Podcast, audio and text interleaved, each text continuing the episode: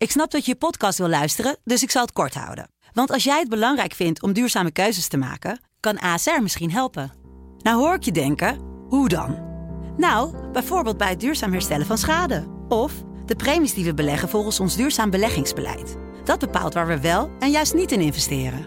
Wil je meer weten over welke duurzame keuzes ASR maakt? Ga dan naar asr.nl/slash duurzame keuzes. ASR doet het. Zo, dan kan je nu lekker naar je podcast luisteren. Ja, de koning met een One Love Band. Dat is natuurlijk het ultieme. Dit is de politieke podcast van De Telegraaf. Ze presenteren zichzelf de hele tijd als een soort redders van de natie, hè? Afhameren met Wouter de Winter en Kamran Oela. Het is vrijdag eh, 25 november en eh, we hebben weer een nieuwe aflevering van Afhameren. En ik zie Wouter eh, wel tegenover me, maar niet in uh, levende lijf, want ik ben een, een, een, een, paar dagen weg. Maar we dachten, ja, Pim is al in Qatar en dan elke ja. week een andere presentator, Wouter. Dat is wennen voor de, voor de luisteraar en ook wennen voor jou. Dan denk je, wie heb ik nou weer tegenover me zitten? Jij bent een vertrouwd gezicht, dus dat scheelt. En, uh, en Pim is ik nog steeds zijn inner Aladdin aan het, uh, aan het verkennen in Qatar. Ja, het zijn wel bizarre dingen die ze daar, uh, die ze daar meemaken. Ik geloof dat hij heeft hard gelopen op een, op een op een soort ja, baan buiten met helemaal met airconditioning. Ja, ja, in Amerika hebben ze dat ook. Dus ik kende het in, in Europa ook niet. Maar in Amerika zat ik in, uh, toen ik met uh, de koningin uh, in Amerika was in, in, september. Toen zaten we ook in een baseballstadion wat ook helemaal airconditioned was. En dat, ja, vinden ze daar heel normaal. Maar wij, omdat het bij ons nooit zo extreem weer is, kennen we dat niet. Maar hardlopen, dat, dat kende ik inderdaad ook nog niet. Nee, nee. We gaan het straks nog wel even hebben over het uh, WK. We gaan het ook hebben natuurlijk over uh, de instroom als het om uh, migratie gaat. Maar we beginnen even toch met de congres. We hebben het vorige week heel uitgebreid over gehad. Het, toen was de aflevering op vrijdag opgenomen. Zaterdag waren de congressen. Um, en we hebben deze week in jouw column ook kunnen lezen hoe je als een fly on the wall bij D66 in ieder geval hebt gezeten. En wat je daar allemaal waarnam ah. voor taferelen. Met name als het ook ging over woke en diversiteit. Ben je bij beide congressen geweest in Rotterdam? Ja, ja s ochtends, het was toevallig alle twee Rotterdam, dat scheelt. Dus dan, dan uh, begon ik de dag bij, uh, bij de VVD in de Van Nellenfabriek. En uh, de, de dag eindigde veel te laat, wat mij betreft, eigenlijk in de doelen in, in Rotterdam. Want dat liep het programma van D66 ook heel erg uit. Dus ik geloof dat ik daar pas tegen zes weer vertrok. Dus het was een hele dag congres, wat op zich wel leuk is, omdat je dan ook een beetje de sfeer en het sentiment kan proeven in, ja, in de verschillende partijen. En die verschilden ook erg van elkaar. Je merkte echt bij de VVD dat er een, uh, nou ja, toch ook wel een strakke organisatie dit keer was, waar het de vorige keer in juni nog ontbrak. Hè? Want toen hebben we natuurlijk gezien dat de stikstofmaatregelen door een nipte meerderheid werden verworpen. En dat dat eigenlijk de partijtop en de fractie heeft overvallen destijds. En dat zij, die partijtop zat toen ook op de eerste rij. En, en ze werden eigenlijk gewoon door hun eigen congres uh, in de hoek gezet. En nu was alles anders. Nu was alles voorbereid. Nu was Rutte die dan in de zaal zat tussen de leden, weet je wel. En uh, toevallige insprekers à la Henk Kamp, het, het toch het rechtse asiel vreemdelingen geweten van de VVD en Klaas Dijkhoff, de kroonprins die nooit met de bloemen kon zwaaien, die dan alle twee ten strijde trokken om uh, de partijlijn te verdedigen zogenaamd uh, spontaan. Maar goed, er is natuurlijk overleg geweest vanuit de top van de, de, de VVD en de VVD-fractie met die mensen. Er hadden zich ook meer mensen uh, gemeld, zelfs uh, hoorde ik, die het woord wilden voeren omdat ze het wel degelijk goed vonden dat er een dwangwet door het parlement, door het kabinet zou worden, worden ingevoerd. Ik begreep dat Fred Teven zich ook als vrijwilliger had gemeld als inspreker. Maar dat dat uiteindelijk niet nodig was, omdat de partij meende dat uh, de leden ook niet de indruk moesten krijgen dat het hen door de strot werd geduwd. Maar, of, of er wordt gewoon, u bent niet prominent genoeg. dat sluit ik ook niet helemaal uit. ik denk wel dat, uh, dat Henk Campus natuurlijk onmiskenbaar, uh, die gaan ze binnenkort nog wel eens erelid maken, denk ik. En Klaas Dijkhoff natuurlijk ook wel iemand die nog steeds wel veel gezag heeft. En zelfs uit opiniepeilingen uh, wordt getipt als iemand die uh, ooit nog eens terug moet komen om Rutte te verlossen als hij uh, de, het bijltje erbij neergooit. maar je zag dus dat er een, ja, een echt een, een organisatie was opgetuigd om geen ongelukken te laten gebeuren. Alle zwaartepunten ook naar, de, naar het begin van de dag verschoven, waardoor het ook gelijk klaar was wat er aan heftigheid besproken moet worden. Het begon natuurlijk met dat gesprek wat Rutte dan aanging, of nou, gesprek, het was meer zo'n toespraak dat hij daar in zijn, in zijn jasje en zijn spijkerbroek en zijn, zijn gekreukelde overhemd ook allemaal weer uitstralen dat hij ook maar een gewoon VVD-lid is. Dat het woord voert ja, toch de, de achterban een beetje moet masseren. Maar je merkte dat aan de aanwezigen en aan de reacties ook in de zaal al heel snel dat de mensen die geen gedoe en geen gedonder in de tent wilden, dat die wel in de meerderheid waren. Hoewel er wel heel duidelijk werd gezegd, ook door mensen als Charlie Abtroot bijvoorbeeld, uh, vroeger toch een, uh, een Rita-aanhanger in een ver verleden, nu burgemeester, maar ook wel een graag geziene gast ook op, op dat soort bijeenkomsten, dat hij ook wel zei van ja, het, het, het, houdt ook wel een keer op. We hebben heel vaak, hebben we al toegegeven, het, er gaan dingen veranderen, het wordt allemaal strenger en er wordt steeds niks geleverd. Dus wat dat betreft nam Rutte en de VVD-top en de fractie ook wel een beetje een hypotheek op de toekomst. Van ja, je kan wel nu weer zeggen dat er echt wat gaat gebeuren. Maar als je het nou weer niet waarmaakt, dan is er wel echt een probleem. En daarmee zie je dat nu tijd is gekocht. Maar goed, dat er wel echt wel wat op tafel moet komen nu. Uiteindelijk stemt dat congres dus wel massaal in. Ik geloof dat uh, wat was het, 70% zelfs. Ja, hè? Dus meer, dat, was niet nipt, maar wel echt ruim, uh, in ieder geval een ruime, ruime meerderheid. We gaan het zo nog even verder hebben over hoe het nou in het kabinet ook zit met de migratie. Want omdat de ChristenUnie ook wat, uh, wat aan het uh, bewegen is. Maar zag je dat sentiment daarna ook veranderen? Nadat die stemming was geweest, was het ook, werd het een normaler congres? Of, of ja, bleef er toch iets in de lucht hangen van oeh, tweestrijd? Nee, nee, dat vond ik niet. Uh, je merkt wel dat sommige mensen er wat uitgesprokener in zitten uh, als anderen. Maar je merkte dat op het moment dat die cruciale stemming geweest was. Er waren trouwens later nog wat meer stemmingen. Onder andere eentje die toch ook wel heel erg aanstuurde op een quotum. En een asielstop.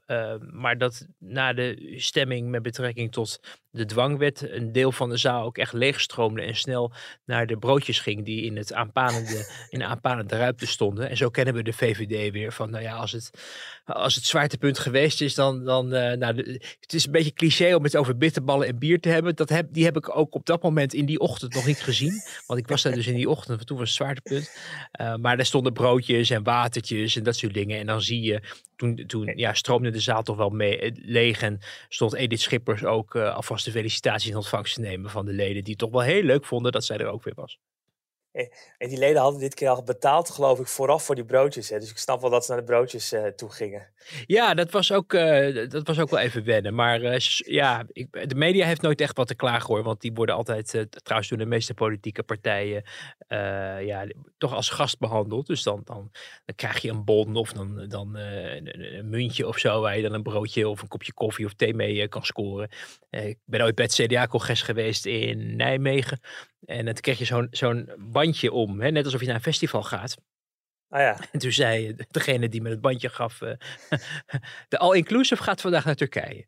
Omdat, zeg maar, je dat soort dingen kennelijk daar draagt. Ik zou het niet weten, ik ben nooit geweest. Maar, uh, maar goed, het was, uh, het was wat dat betreft een, een congres waar, denk ik, de partijtop opgelucht adem konden halen. Dat ze ja, de, de grip weer terug hebben gevonden. Maar wel ook wel zien dat de tijd van stempelmachine, applausmachine echt voorbij is. En het grappige is dat je dat Rutte inmiddels ook hoort herkennen. Hè? Dat hij in de interviews ook aangeeft van... Uh, ja, in die tijd van een congres, toen hebben we het allemaal een beetje op zijn beloop uh, gelaten.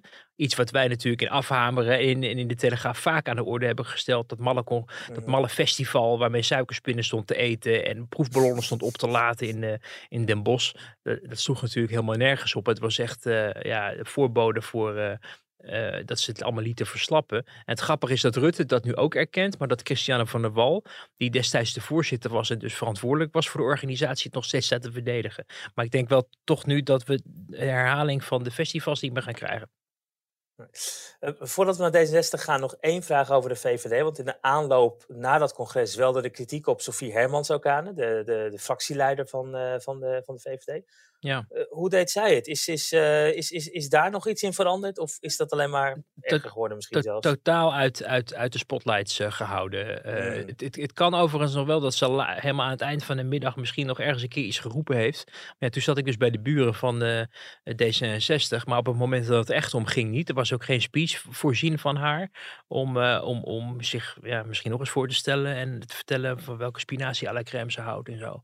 maar het, het, ja, het, ik vond het ook wel een beetje pijnlijk, hè? Want, want dat, dat dus mensen als, uh, als, als, als Dijkhoff en Kamp en Rutte eh, ervoor moeten zorgen dat datgene waar de fractie mee instemt, um, ja, feilloos door het congres gaat. Normaal is natuurlijk de fractievoorzitter daar de meest aangewezen persoon voor. Dus uh, ja, ik denk wel dat je voorzichtig aan mag concluderen dat dat.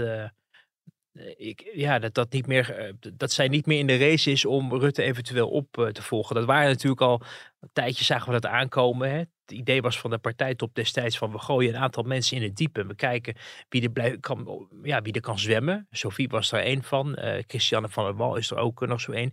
Dylan Jazielgus natuurlijk ook zo iemand die, die het mag proberen met een hele prominente post. Het ministerschap van Justitie. En tot nu toe denk ik uh, zowel binnen als buiten de VVD indruk maakt. Dus die heeft dat, dat, dat zwemmen geleerd. Maar niet iedereen lukt dat. En ja, het is natuurlijk heel veel zeggen dat er een, een congres is. Waar de politieke lijnen natuurlijk ook worden uitgezet. En, en, en besproken ook met, met de achterban ook in overleg getreden wordt. En dat ja, voor de fractievoorzitter dan niet echt een rol is weggelegd. Ja. Nou, dan die buren waar je naartoe ging. Hè, dus vanuit de Van fabriek op weg naar de, de doelen. Uh, daar trof je, zei net wel iets anders aan. Was het daar ja. uh, eensgezindheid, eenheid? Ja, het was, het was echt een, een, wereld van verschil eigenlijk van een, van een partij die het eigenlijk wel naar zijn zin heeft. Uh, waar je toch de bezorgdheid wel bij de VVD merkte van we moeten wel echt wat laten zien om dat immigratiedossier uh, en we moeten de tijd van de applausmachine achter ons laten, zag je bij de D66 eigenlijk ja, een leunstoel op een strand. Nou, ik, zag, ik zag nog geen glazen wijn, maar het, het, denkbeeldig zag je die wel rondgaan in, in, in de zaal. Uh, het waren, vond ik, veel oude mensen, ook wel wat jonger hoor, maar toch wel veel mensen die wel tevreden waren over de manier waarop het ging. Ik zag Laurent Jan Brinkhorst nog, Vera Bergkamp, die liep daar nog rond na een geplaagde week natuurlijk als voorzitter uh, ook een beetje verdwaald. Want je denkt, wat doet een Kamervoorzitter die toch een beetje boven de partijen staat bij zo'n congres? Dat heb ik in de afgelopen jaren, ik kan me niet herinneren dat ik Khadija Ariep als voorzitter ooit tegenkwam op een partijcongres. Heel vroeger Frans Wijsgers wel een keer uh, in, in, bij, bij de VVD. Maar um, zij had kennelijk misschien ook wel begrijpelijkerwijs behoefte om, uh, om wat ja, partijgenoten, vriendinnen en vrienden tegen te komen die er eh, misschien een hart onder de riem staken. Uh, maar als je, als je, als je, ik zat bijvoorbeeld bij zo'n sessie van het nieuwe leiderschap. Nou ja, dat was echt, nou ja, Gietje de Groot, Kamerlid, eh, was daarbij. Die zei, ja, dit is echt een typische D66 bijeenkomst. Nou ja, dat, de definitie daarvan is kennelijk eentje die echt alle kanten op gaat. Waar niemand eigenlijk precies weet wat je wil bespreken. En uiteindelijk na drie kwartier zegt, oh, de tijd is voorbij. Uh, Bedankt voor de aanwezigheid. Dat, dat, daar zou het rapport worden besproken waarin uit de doeken gedaan zou worden wat nieuw leiderschap nou behelst. En daar zaten dan dertien partijleden met allerlei sessies en interviews met de partijtop hadden ze gedaan om in kaart te brengen wat nou precies het nieuwe leiderschap behelste. En uiteindelijk bleef daar helemaal uh, ja, niks van over behalve consultancy taal en, en gemeenplaatsen als mensen moeten centraal staan. Nou ja, als je dat ergens leest voor het Cameron, jij bent natuurlijk zelf ook manager, dan weet je dat, dat, dat men echt niet meer wist wat men op moest schrijven. Dus, dus, dus dat, dat, soort, dat soort gekkigheid. En het, e-, het eerste inspreker bij zo'n sessie is dan iemand die gaat opstaan, om niet om het over het rapport te hebben, maar om te zeggen dat het toch gewoon een schande is dat er drie mensen die dan min of meer over dat rapport komen praten, omdat ze ook in die commissie zaten die dat rapport heeft geschreven en dan zeer te groot ook. Ja, die waren allemaal uh, uh, niet divers genoeg. Want die waren allemaal, ja, uh, allemaal blank. En dat mag natuurlijk niet. Terwijl als je kijkt rond het T66-congres, net als overigens bij GroenLinks, uh, dat is wel de, de hoofdmoot van de, van, van, van de samenstelling van, de, van zo'n congres. Maar goed. Uh, maar dat gaf er alweer aan dat je dacht, oh ja, laten we het daar nog eens over hebben. En dan vervolgens zei iemand van, moet je moeten we ons wel, uh, hier te groot niet te veel aan het polariseren met zijn halveren van de veestapel.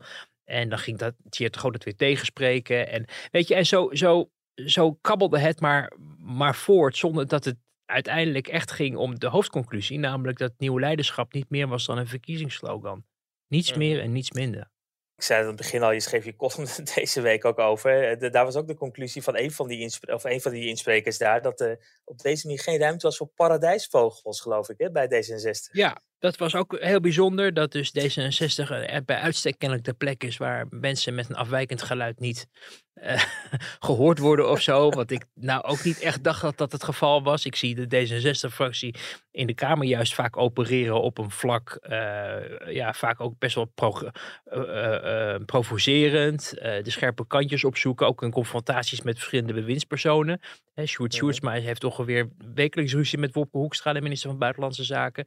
Maar goed, dat, dat was dan kennelijk niet wat men bedoelde. Maar dan moeten kennelijk, ja, ik weet niet, linksdragende transgenders met, met, met 18 kinderen of zo, die ook nog gehoord moesten worden. Ik weet het niet. Ik chargeer een beetje. Ik doe niks af tegen transgenders, maar het opzoeken van extreme voorbeelden om die tot een soort norm te verheffen, of, of niet, misschien niet extreem, maar zeldzame voorbeelden, laat ik het zo opschrijven. En dat dat, want daar is ook nog niet aan gedacht. Daar moet ook nog een, een, een hokje voor gevonden worden, zodat die mensen zich ook prettig voelen. Terwijl, ja, Ja. je zou er eigenlijk minder in hokjes moeten denken. En misschien wat minder in paradijsvogels. Maar goed, dat, dat, het is voor mij moeilijk ook allemaal om mij te verplaatsen in de D66-geest en, en modus operandi. Eh, maar de hoofd, ja, het hoofdbestanddeel wat ik meekreeg van het congres was toch eentje van, van tevredenheid. Er wordt hard geklapt voor Robert Dijkgraaf, die eh, nou ja, de minister van Onderwijs is, maar heel goed een verhaal kan vertellen. En daarmee zich ook wel Ja. onderscheiden van een aantal andere D66'ers.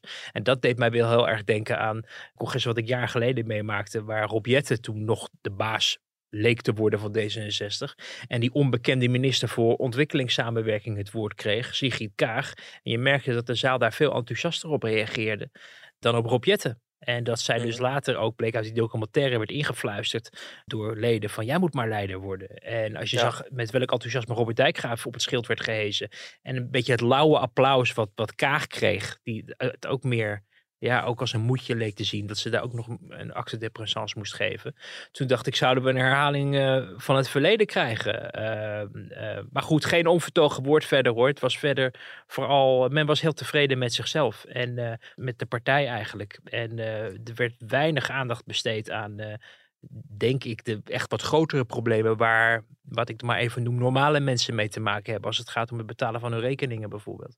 Ja, want daarover gesproken, het, het leek, ik was daar niet. Ik heb het allemaal achteraf gevolgd en die speech van Kaag eh, nog, eh, nog zitten lezen. Eh, we- dacht, ja, is, wilde zij niet ook heel erg laten zien van ik ben de minister van Financiën. Door een heel verhaal te houden Ja. over, over financiën. Terwijl eigenlijk ja, de scherpe kantjes er toch een beetje af. Wel zeggen, ja, het kan zelfs mogelijk. Moeten Mhm. mensen na een pensioen langer werken? Dat, dat is ook raar, want als je langer, dan ben je dus nog niet meer pensioen. Maar dat schijnbaar Ja. be- begreep ik dat niet, eh, niet goed. Maar zo waren er een paar dingen mogelijk, eventueel, maar wel heel erg op dat financiële blijven. Is dat, En, en, en dat, dat, die waarschuwende woorden van haar en, en toch een beetje de positionering als minister van Financiën hebben we ook op het vorige congres overigens gehoord. Toen werd er ook al eh, aan gerefereerd van ja, ik ben toch ook minister van Financiën en daarom zeg ik dat. Uiteindelijk maakte zij natuurlijk het nieuws door eh, te zeggen van de tijd van eeuwig compenseren is voorbij. Een legacy opbouwen als minister van Financiën is eh, eentje die haar voorgangers allemaal redelijk gelukt is. Hè? Minister van Financiën staat meestal toch, wordt gezien als een beetje boven de partijen staat. Iemand die op onze centjes past eh, en zich niet al te partijpolitiek eh, uitlaat. Nou ja, zij is natuurlijk ook partijleider, maar ze ziet natuurlijk dat dat nieuwe leiderschap waar we het net over hadden eh, en, en alle hooggespannen verwachtingen die daaraan verbonden werden, dat die niet heel erg lekker uit de verf zijn gekomen. Ook omdat er een aantal schandalen natuurlijk in die partij was. Dus men heeft denk ik op een gegeven moment ook bepaald van oké, waar, gaan, waar gaat zij zich nog op profileren? Op dat verhaal wat eigenlijk niet echt lekker meer eh, over het voetlicht komt of op dat financiële minister, financiële vlak wat toch een eh, ja, traditie heeft van dat je er altijd wel goed mee wegkomt. Alleen als je naar die boodschap luistert, eh, dan eh, zie je, ja, we kunnen niet alles even maar compenseren. Zij, we moeten ook het mes gaan zetten in de uitgaven, al dan niet of het dan bezuinigen moet worden of lastenverzwaringen. Nou, zij kiezen dan vanuit D66 kennelijk voor lastenverzwaringen. Hè, waar mensen waar je worden belast die veel geld hebben of verdienen zonder ervoor te werken. Eh, dus het belasten van vermogens en dat soort zaken. Nou ja, dat, eh, dat mag natuurlijk D66 en de partijleider van D66 zeggen. Als je tegelijkertijd het verhaal ophoudt van we gaan niet eeuwig compenseren, we moeten maar wennen aan de energieprijzen. Ja, dat klinkt natuurlijk eh, interessant en, en standvastig. Maar we hebben ook gezien, het afgelopen jaar natuurlijk, op het moment dat de tering naar de nering gezet moet worden en mensen geconfronteerd worden met rekeningen die ze gewoon niet kunnen betalen. Hè? Het is niet van Mhm. onwil. Als je een paar tientjes of misschien een paar honderd euro extra kwijt bent, nou ja, dan kan je dat misschien nog aan. Misschien ook niet eeuwig, maar voor een behoorlijke tijd. Maar bedragen van 1000 euro meer en zo voor mensen met een, met een minimuminkomen of, of wat daarboven, of ondernemers die natuurlijk totaal onredelijke prijzen ineens moeten vragen. Dan kan jij wel als minister van Financiën en als D66-leider zeggen van nou ja, dat, eh, dat eh, kunnen we niet eeuwig blijven doen. Uh, maar die Kamer gaat uiteindelijk toch, uh, denk ik, uh, aan de kant van de burgerstaat die buiten zijn of haar schuld om, dit niet meer kan betalen. En, en dan ontstaan er meerderheden waar uiteindelijk dan ook D66 zich, denk ik, bij aan zal sluiten. Dus het is, je begrijpt vanuit haar verantwoordelijkheid als minister van Financiën wel van, jongens, het geld, de geldboom groeit niet in mijn tuin en er komt een einde aan.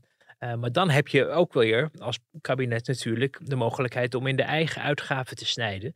Uh, er zijn allerlei kabinetsambities, ook met fondsen die gevuld moeten worden om transities van te betalen op het klimaat en, uh, natuurlijk nu stikstof. Ehm, daar zit ook geld. En als de tering naar de nering gezet moet worden, dan nou, zou het ook kunnen zijn dat je daar naar kijkt. Dus dat is nog helemaal geen uitgemaakte zaak. En veel zal ook afhangen van de ontwikkelingen van de oorlog in Oekraïne. Uh, het en ja. De energieprijzen, misschien nog niet eens meer deze winter, maar de winter daarop. Wij weten ook niet hoe lang die oorlog duurt, uh, natuurlijk. Nee, Kaag profileert zich daar dan uh, wel echt, echt als de minister van Financiën. Ondertussen het lijkt ze in het kabinet wel een beetje alleen te komen staan als het om migratie gaat. Laten we misschien gewoon naar dat onderwerp gaan, waar het gemoeden natuurlijk al weken bezighoudt. Na dat VVD-congres, Rutte heeft zijn naam eraan verbonden. Ja. Maar heel opvallend, de ChristenUnie is ook aan het bewegen, ja. lijkt nu opeens. Ja, toevallig hoorde ik ook uh, woensdag ineens een signaal dat in dat groepje, uh, wat we ja, inmiddels kennelijk ook in het Katshuis uh, vergaderd, maar ik dacht tot nu toe dat het op het ministerie van Justitie plaats had. Hugo de Jonge, Dylan Jazielgus en Erik van den Burg. En natuurlijk Erik van den Burg als, als migratiedossierhouder. Carola Schouten namens de ChristenUnie en Kajsa Ollongren namens D66, die dan met elkaar praten over het vraagstuk migratie en hoe moeten we daar nu verder mee. En dat je dus inderdaad hoort dat, dat uh, Schouten daar niet degene was die de kont tegen de krip aan het gooien was. Dat, ja. dat er werd nagedacht en ook werd erkend dat er een probleem is. En dat men ja, de koe bij de horens moet vatten. En je hoorde wel Kaag, um, is, je hoort wat diffuse berichten erover. Je hoort uit haar omgeving van ze zit er vrij geharnast in, want ze vindt dat vluchtelingen en verdragen die de rechten van vluchtelingen beschermen, te alle tijden gerespecteerd moeten worden en niet opzij uh, kunnen worden gezet. We zijn natuurlijk ook een rechtsstaat en we hebben ons woord gegeven, hebben afspraken gemaakt en daar mag niet uh, van geweken worden. Tegelijkertijd, als je hoort naar wat ze zegt op het congres, waarin ze zei van we moeten dit heel zorgvuldig, bijna klinisch bekijken. Hoe we dit dossier moeten gaan uh, aanvliegen. Maar we moeten ook rekening houden met de oprechte zorgen van mensen rond het probleem. En haar uitspraak van uh, na de ministerraad van vrijdag, toen ze Rutte verving, toen ze ook iets zei van uh, we moeten de discussie ontgiften. En stap voor stap en ook kijken naar ja, uit elkaar trekken. Hè, de asielzoekers, arbeidsmigranten, studenten, liefdesmigratie. Je moet het echt even bekijken. Wat is nou, waar is nou het echte grote probleem? Die 50, 60.000 mensen die hier dan uh, naartoe gaan komen, uh, zijn die inderdaad allemaal vluchtelingen? Nee. Zijn het allemaal arbeidsmigranten? Nee, maar het arbeidsmigrantengedeelte is aanzienlijk. En zijn dat mensen die hier kunnen worden opgevangen, ook goed worden verzorgd en behandeld door helaas uh, niet vaak uh, goed behandeld door malafide uitzetbureaus, huisvestingen, dat soort dingen. Dus uh, daar zijn echt wel wat zitten meerdere hoeken, haken en ogen aan dit hele dossier. En dan hoor je dus eigenlijk wel een erkenning van zoals het nu gaat, gaat het niet langer. Dus ehm, mijn, ver, mijn veronderstelling, en dat is ook wat ik hoor achter de schermen, maar wat ik ook uh, Gert-Jan Segers zie zeggen in het interview, de leider van de ChristenUnie, namelijk uh, ja, de ChristenUnie is bereid om ook te praten over de komst van asielzoekers, hoewel hij ziet dat dat vooral een Europees probleem is en dat je moet, die buitengrenzen moet, moet bewaken en de afspraken die je daar in Europa met elkaar over kan maken, dat je die ook moet handhaven en dat je die ook serieus moet nemen. en tegelijkertijd de arbeidsmigranten noemt als, als iets waarvan je kan afvragen, uh, willen we er zoveel? Is dat allemaal, kunnen we die mensen allemaal aan? Zijn ze op alle sectoren nodig? Hè? Kennismigranten zijn weer wat anders dan mensen die in een kas werken. Eh, je hoort dat ze bijvoorbeeld met de tuinders wel iets willen, willen doen om te kijken of dat allemaal wel nodig is. De mensen die daar werken en die uit den vreemde komen, hoewel ik meen dat dat vooral mensen uit Oost-Europa waren, daar kan je eigenlijk niks tegen beginnen. Maar goed, dat is iets wat, waar ik over hoor, waar aan gedacht kan worden. En studenten, de studentenaantallen zijn nogal hoog. Die leggen ook een grote druk op het onderwijssysteem. Want dat wordt uiteindelijk natuurlijk toch ook opgebracht door de belastingbetaler. Uh, en daar wil men ook wel even kritisch naar kijken van hoeveel mensen kunnen we hier uh, laten studeren uit den vreemde. Kortom, een, een heel palet aan zaken waar je op het onderwerp instroom maatregelen kan nemen. Uh, waarbij elke partij zijn ehm, prioriteit aan kan geven en ook zijn compromis deel uit kan slepen van dit vinden wij belangrijk. De VVD zet heel erg in op asiel.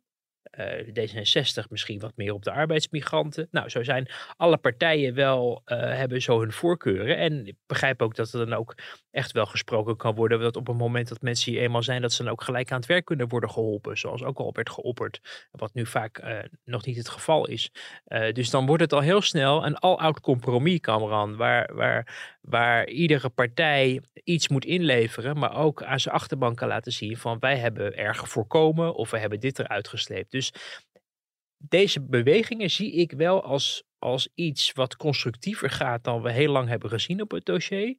Uh, de vraag is natuurlijk, uh, D66 denk ik inmiddels toch degene die wat meer alleen staat inderdaad toch, uh, in ieder geval tot nu toe. Hoe ver gaat die partij opschuiven? Nou, de publieke woorden van, van Kaag zie ik dat er echt ook wel ruimte is om met die partij te praten. Uh, maar ja, het, het, het, zal in de, in de kleine lettertjes misschien uh, uiteindelijk besloten worden. En uh, ze hoopt het in december al te presenteren. Dus dat zou dan eigenlijk nog voor de kerst moeten gebeuren.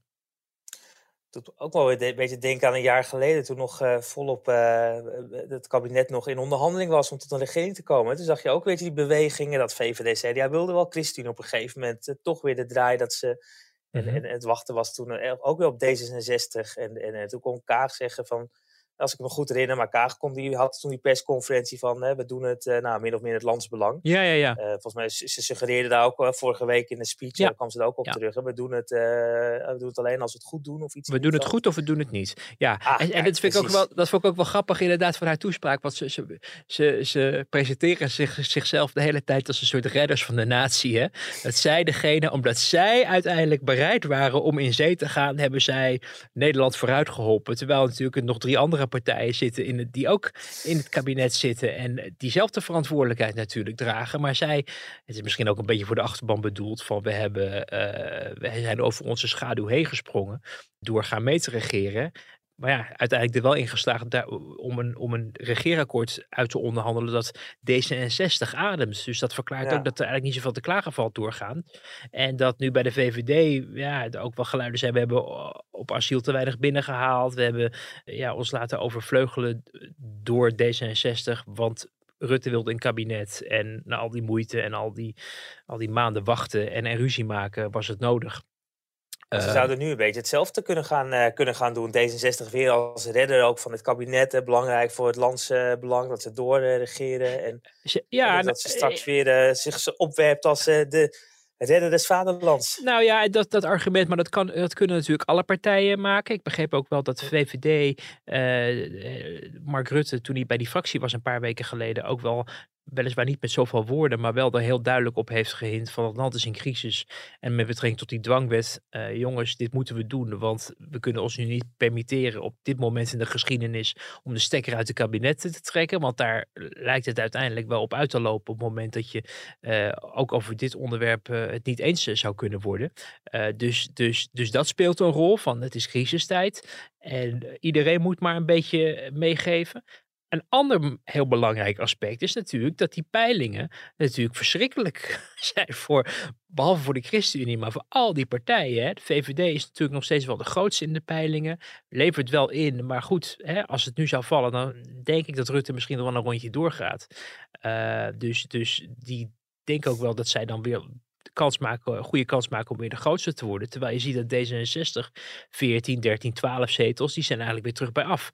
Hm. Als je kijkt naar het CDA, nou, dat is natuurlijk helemaal een drama. Die staan, gaan 7, 6, 5 zetels. Hè? Vroeger ooit, wat was het, 52, 53, 54 zetels eh, in het parlement. Er is echt niets meer van over, lijkt het. Dus er is ook totaal geen enkel belang bij een partij om nu te zeggen, we gaan eh, ja, de winst incasseren van de virtuele winst die ons wordt toebedeeld. Nee, je levert het land over aan, aan een groter eh Ja 21, een groter PVV, een grotere BBB. ehm, een ja, vermoeden dat een, iets van een kabinetssamenstelling wel eens een hele duidelijke rechtse signatuur zou kunnen krijgen. Eh, wat, wat, nou ja, eh, voor de VVD misschien aanlokkelijk is, maar het CDA is dan bijna niet meer in beeld. Ehm, D66 ziet de eigen agenda met betrekking tot stikstof en klimaat, onderwijs, allerlei dingen natuurlijk ook uit zicht raken op het moment dat eh, BBB, Pieter Omtzigt wellicht eh, en, en Ja21 een veel grotere eh, rol krijgen in de politiek. Dus er is ook niet echt een belang voor die partijen om nu eh ruziend uit elkaar eh, te gaan. Nee, nee. Ik hoor je zeggen dat stel dat het kabinet nu zou vallen, dat Rutte na alles wat er gebeurd is misschien toch nog wel Ja. weer een rondje door zou gaan. Dat zou toch ook wel heel Ja, opmerkelijk Z- zijn. Zo wordt dat wel ingeschat in, eh, in, in, in, in, eh, ja, VVD-kringen, onder VVD-bobo's. Eh, denk, het hangt wel heel erg van het tijdstip af natuurlijk. Hè? En natuurlijk van de reden waarom een kabinet ten val komt. Ik, ik sprak een voornaam fractievoorzitter vorige week. die, die ook zei van als de VVD breekt om asiel, dan zetten ze iedereen weer op achterstand. Want dan zullen kiezers denken, heel goed dat er nu eindelijk eens de poot stijf wordt gehouden. Dus toch maar weer eh, eh, eh, steun voor de VVD. En dat zou wel eens ten koste kunnen gaan van ja 21, eh, het CDA, PVV, Groep van Haga, Belang voor Nederland, ehm Vorm voor Democratie wellicht. Hoewel die zijn er inmiddels zo buiten, denk ik, buiten die electorale vijver van de, van de VVD. Maar er is echt oprechte angst dat op het moment dat de VVD eh, op asielbeleid zou breken, dat dat bij de kiezers het nog best wel goed zou doen.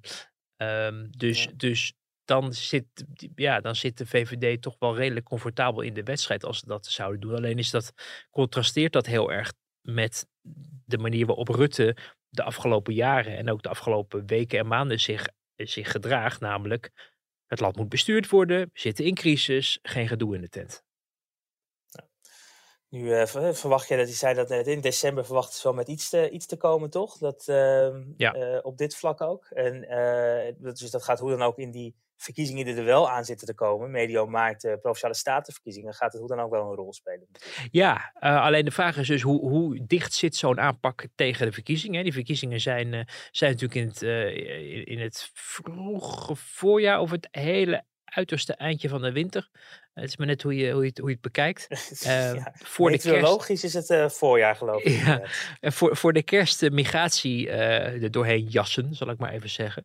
Eh, en ook hopen dat er in Europa spijkers met kop worden geslagen. Trekt de discussie wel wat meer los van de verkiezingen. Hoe meer je het richting de verkiezingen zal laten lopen, hoe meer het daar ook misschien over zal gaan. Eh, dus, dus ik denk dat het ook in het belang is van als men in het belang van de coalitie is, van als men hier eh, eh, eh, ja, spijkers met koppen wil slaan, kan je het maar beter nu doen. Want de, de toonhoogte wordt natuurlijk wel opgevoerd als er verkiezingen voor de deur staan.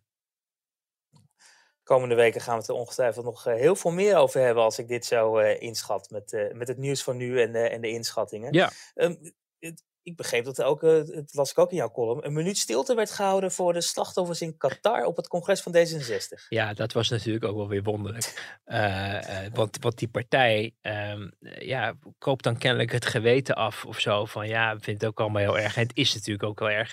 daar geen misverstand over. Alleen wat, wat gaat een minuut stilte op het congres eraan veranderen?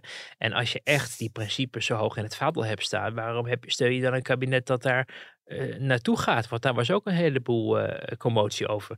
En ik Mhm. begreep deze week dat er, eh, dat wordt althans in een aantal partijen in de coalitie nadrukkelijk gesteld, dat Kaag zelf in een overleg met de vicepremiers en de premier al in een vrij vroeg stadium heeft aangegeven dat zij vond dat er een delegatie of een afvaardiging naar Qatar moest. Eh, omdat zij een realpolitiker is. Zij heeft natuurlijk veel onderhandeld op het internationaal toneel. En weet dat als je dingen en veranderingen voor elkaar wil krijgen, het alleen helpt als je ook echt het gesprek aangaat. En als je thuis blijft, doe je dat leuk voor de bühne. Maar dan, dan wordt er dus geen arbeidsmigrant gered. Of een uh, arbeidskracht daar in, in Qatar. Of familierecht gedaan. Dus ik begreep dat zij er vrij pragmatisch in zat. En dat ze ook in de ministerraad wel heel erg duidelijk heeft benadrukt. vervolgens, hè, dat was dus een ander gremium. Van als we die kant op gaan, moeten we ook echt wel mensenrechten aan de orde stellen. Maar ja, als je dan. Dan vraag je je af van, goh, waarom wordt dat dan niet ook wat duidelijker op het D66-congres besproken? Dat er ook nog een andere realiteit is dan die van, uh, kijk, ons is moreel verheven zijn voor, boven andere partijen of de rest. Hè? Je verandert er natuurlijk niet zoveel aan als je thuis gaat blijven. Verander je dan wel wat aan als je, als je er naartoe gaat? Dat is natuurlijk ook nog maar de vraag. We zagen deze week wat de ministers van, uh, en ook het Duitse voetbalelftal natuurlijk wel een statement maken. Nou, dat gaat Oranje dus niet doen, begreep ik gisteren van Van Gaal. Maar de, het Nederlandse kabinet gaat dus aanstaande dinsdag bij die wedstrijd zijn tegen Qatar dan wordt Connie Helder die kant op gestuurd. En die, die ja, wordt eigenlijk min of meer uh, gevraagd om dan als een soort, ik weet niet, een soort mascotte of zo, daar op de tribune te gaan plaatsnemen. Want als ik de, de berichtgeving of de, de adviezen van de, de minister van Onderwijs uh, mag volgen, want die was deze week daarover in de piste. Minister Dijkgraaf van Onderwijs is natuurlijk ook wel iemand die die emancipatie moet bevorderen. Dus het is ook zijn taak. Maar hij twitterde dus uh, afgelopen week teleurstellend dat de FIFA tegen het dragen van de One Love aanvoerdersband besluit. Goed dat ons Oranje en de KNVB de intentie hadden om dit symbool van inclusie en diversiteit te dragen.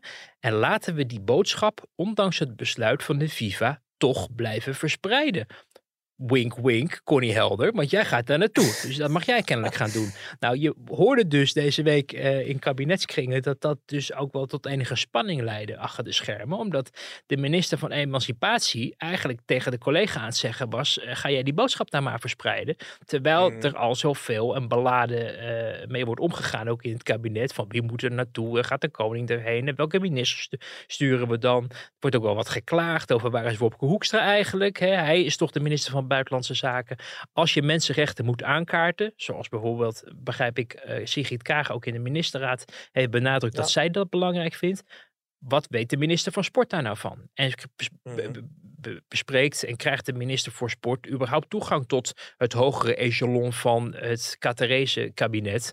Het is op zich natuurlijk uh, gebruikelijk dat je met een uh, je ambtgenoot over iets praat. Dus Connie Helder kan het over die airconditioned uh, sporthallen hebben met haar collega in Qatar. Maar Wopke Hoekstra zou het natuurlijk kunnen hebben over de mensenrechten. Want dat is zijn uh, portefeuille met zijn Qatarese ambtgenoot. Dus je ziet nog steeds dat daar in kabinetskring ook naar elkaar wordt geloerd. Uh, wordt een beetje wordt, wordt, uh, ook wordt, wordt, wordt geroddeld. En ik ben dus heel benieuwd uh, waar Connie Helder mee ten tonele zal verschijnen. minister kan Gaat volgens mij. een One Love band dragen? Ja, nou dat we natuurlijk wel ministers zien doen. Ik denk dat die vraag ook nu vandaag bij de minister, terwijl wij dit gesprek zitten te voeren, aan haar gesteld wordt. Van hoe gaat zij er naartoe? Dus misschien heeft ze het antwoord al gegeven. Ik begreep ook dat je wel met uh, regenboogtenue inmiddels wordt toegelaten in de stadions. Dus dat is ook nog een leuke tip voor mevrouw Helder natuurlijk. Dat ze als een wandelende regenboog naar binnen kan komen om een signaal te geven. Maar het geeft maar wel weer aan dat, dat ook het kabinet het ook wel heel erg ingewikkeld vindt om, om nou precies te bepalen wat een, uh, ja, wat de goede manier is. Terwijl ze in de brief waarin ze hebben uiteindelijk gemaakt dat Koenie Helder die kant op gaat, juist heel erg inzetten op het benadrukken van er is veel aan de mensenrechten veranderd. Hebben we achter de schermen veel ons best gedaan. We moeten rekening houden met de veranderde geopolitieke situatie. Oftewel, we hebben het gas nodig van Qatar. En al die argumenten op een rij worden gezet. En vervolgens stuur je Connie Helder om kennelijk over sporthallen te gaan praten. Ja, dat is natuurlijk wel een beetje gek. Is maar, volgens mij maar één, uh, één manier. En dat is bij Louis van Gaal in handen. Hè. Als ze verder komen in het toernooi, dan zal er waarschijnlijk opnieuw een delegatie die kant op gaan. En dan kan misschien de koning alsnog met Rutte en Hoekstra die kant op om nog wat dingen aan de kaak te stellen. Ja, de koning met een One Love Band. Dat is natuurlijk het ultieme wat bereikt kan worden. En die, een staatshoofd, kan je, kan je, kan je, daar kan je niet zoveel tegen beginnen als die, als die dat gaat doen. Maar goed, je zet de boel dan wel heel erg op scherp natuurlijk als je het staatshoofd One Love banden laat dragen. Laten we gewoon hopen dat Oranje de finale haalt en dan vlak voor de wedstrijd uh, ook nog iets kan doen. Of, of misschien met die cup, eh, als ze die in handen hebben, of noem je dat beker, geloof ik. Uh, zodat niemand meer kan ingrijpen als de buit binnen is. Dat is sowieso natuurlijk dat een goede opgave. Dat is eigenlijk het allermooiste. Ja. Dat is inderdaad wat allermooiste. Dat, hè, vooraf, dat hebben we de Duitsers gezien, maar dat is voor de voetbalpodcast verder. Maar dat hebben de Duitsers gezien, dat hielp niet. Ze waren schijnbaar helemaal afgeleid en daardoor verloren ze al. Dus uh, ja, ja. Lothar Matthäus, de, de, de, de oud-international daar. Ja. ja, laten we hopen dat, dat Oranje ook heel ver komt, want dan gaat de koning nog die kant op. En dan mag ik zeker nog drie, drie of vier weken hier, want dan blijft Pim ook nog in. ik ben, ik ben blij dat je er enthousiast over bent, Cameron. Na, na, ja, daar weer drie kwartier ik, hardcore politieke talk. Ja, zeker. Een onderwerp dat natuurlijk ook gewoon blijft spelen is, is stikstof. Misschien moeten we daar dan maar even de podcast deze week mee afsluiten. Ja, stikstof was natuurlijk uh, een heel heet hangijzer deze zomer. En er is veel gebeurd natuurlijk op dat dossier. Er is dan vanmiddag, we nemen dit op vrijdagochtend op. Er is vanmiddag een persconferentie waarin dan het plan naar aanleiding van het advies, of wat het ook mag zijn, van Remkes. Eigenlijk de stikstofplannen 2.0 worden gepresenteerd, waar de woest aantrekkelijke uitkoopregelingen uh, ja, gepresenteerd worden, waar maatregelen in staan die een veel minder verplichtend en dreigend karakter moeten hebben, waarmee uitgestraald moet worden ook aan de boeren dat men het samen wil doen met de boeren, in plaats van dat er met een stok achter de deur wordt opgetreden, dat mensen onteigend gaan worden en dat soort zaken. Er is ook een afspraak dat op het moment dat mensen hun, hun uh, ja, stikstofruimte verkopen, dat de overheid die dan kan opkopen en niet door bijvoorbeeld Schiphol ingenomen kan worden, zodat Schiphol kan blijven groeien. Er was natuurlijk ook nog uh, gedoe over, ook in de Tweede Kamer deze week. Dus je ziet dat men uh, ja, wat, wat stappen aan het zetten is nu. En dat men binnen ja, een jaar of anderhalf of zo toch wel met, met die paar duizend piekbelasters aan tafel wil om, om te kijken of ze daar een heleboel geld naartoe kunnen schuiven, zodat die stikstofruimte kan worden ingekocht, zodat vergunningen weer kunnen worden verleend, de natuur herstelt uh, en uh, nou ja, Nederland weer uh, aan de gang uh, komt. het is heel spannend wat dat betreft. Want er ligt nu een plan en tot nu toe houden de in de zomer nog protesterende boeren zich nog redelijk rustig. Men wil denk ik ook eerst zien wat er uiteindelijk op tafel komt liggen en wordt gepresenteerd door het kabinet.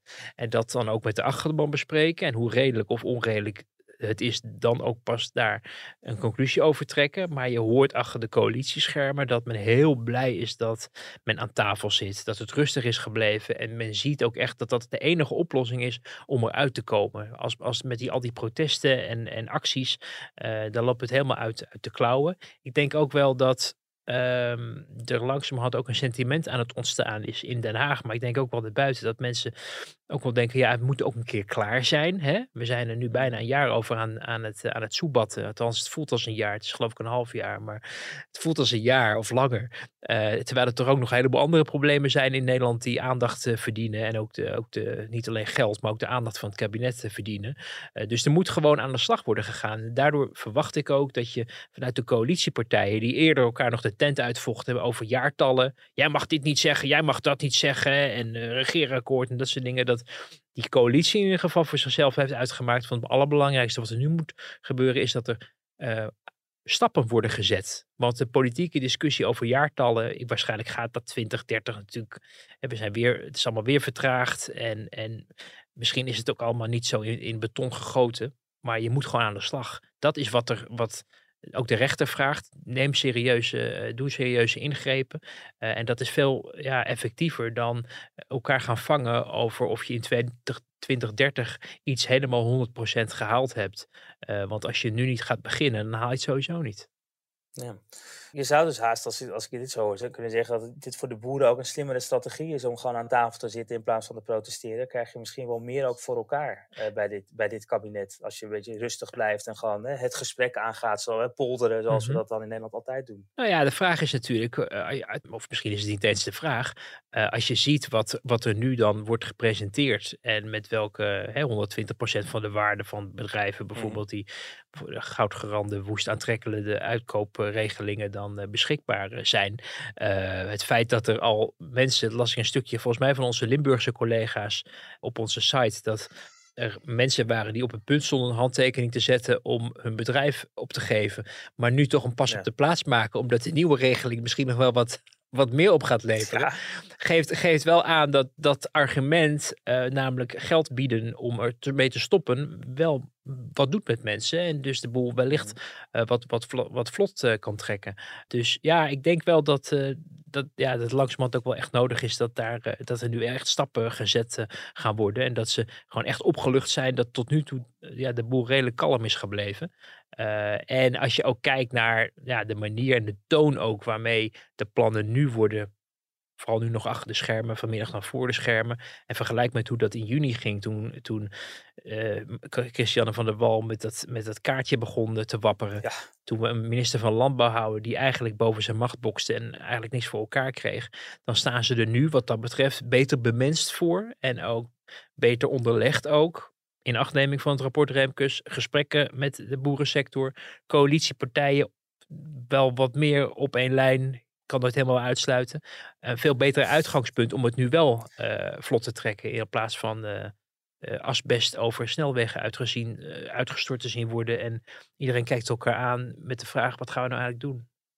Ja. We gaan het horen naar de ministerraad. Ben je er vandaag weer bij om vragen te stellen? Of, Ja, ja, met gezwinde spoed nu naar Den Haag. Heel goed. Jij gaat naar Den Haag. We gaan zien wat daar wat daar vanmiddag uh, over, over stikstof misschien, ook ongetwijfeld ook andere onderwerpen, misschien die One Love band ook wel, die, die te sprake gaat komen. Of Connie Helden wel of niet gaat, gaat dragen. En dan gaan we zien wat de politieke week weer voor ons ligt. iets rustiger was het deze week dan, dan al die ja. ophefweken daarvoor. Ja. En dan volgende week vrijdag dan, zijn we er gewoon weer. Dan als bij goede gezondheid gewoon allebei in de studio. Oké, okay. tot volgende week dan. ik hoop dat de kwaliteit goed was. En anders zorgen we volgende week voor mooie geluidskwaliteit. Dus dan gaan we bij de adjunct hoofdredacteur klagen als de kwaliteit niet goed was. Ja, heel goed. Die, die, die zorgt er dan meteen voor dat er wat gebeurt. Zo is want, hij. Want dat is Cameron, dames en heren. tot volgende week.